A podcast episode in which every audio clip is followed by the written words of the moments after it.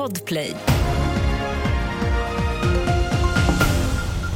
Astronauten Marcus Wandt är just nu på väg mot rymdstationen ISS. Efter uppskjutningen igår kväll från startplattan på Kennedy Space Center i Florida är han officiellt den tredje svensken i rymden någonsin. Vi hör utbildningsminister Mats Persson. Rymden blev precis lite mer svensk, det är den känslan jag har. Och det är en väldigt stor händelse för Sverige som en eh, tekniknation och jag tycker att vi är många, alla vi svenskar ska känna oss stolta över att Marcus nu har lyckats ta sig hela vägen upp till rymden.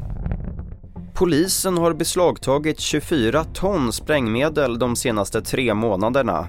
Beslagen har gjorts inom ramen för pågående brottsutredningar som tros ha kopplingar till det kriminella Foxtrot-nätverket. Det uppger polisen för Uppsala Nya Tidning. Bland annat så handlar det om sprängdådet i Fullerö utanför Uppsala i september där en ung kvinna dödades. Trafikverket vill börja mäta hur fort fordon kör mellan fartkameror. Det här rapporterar Dagens Nyheter.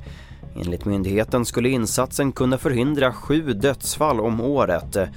Förslaget som har lämnats över till regeringen anses vara kostnadseffektivt och förhoppningen är nu att man tillsammans med polisen kan få ökade IT-resurser för att utveckla det här systemet. Mer om det här och fler nyheter på tv4.se. Jag heter Albert Hjalmers.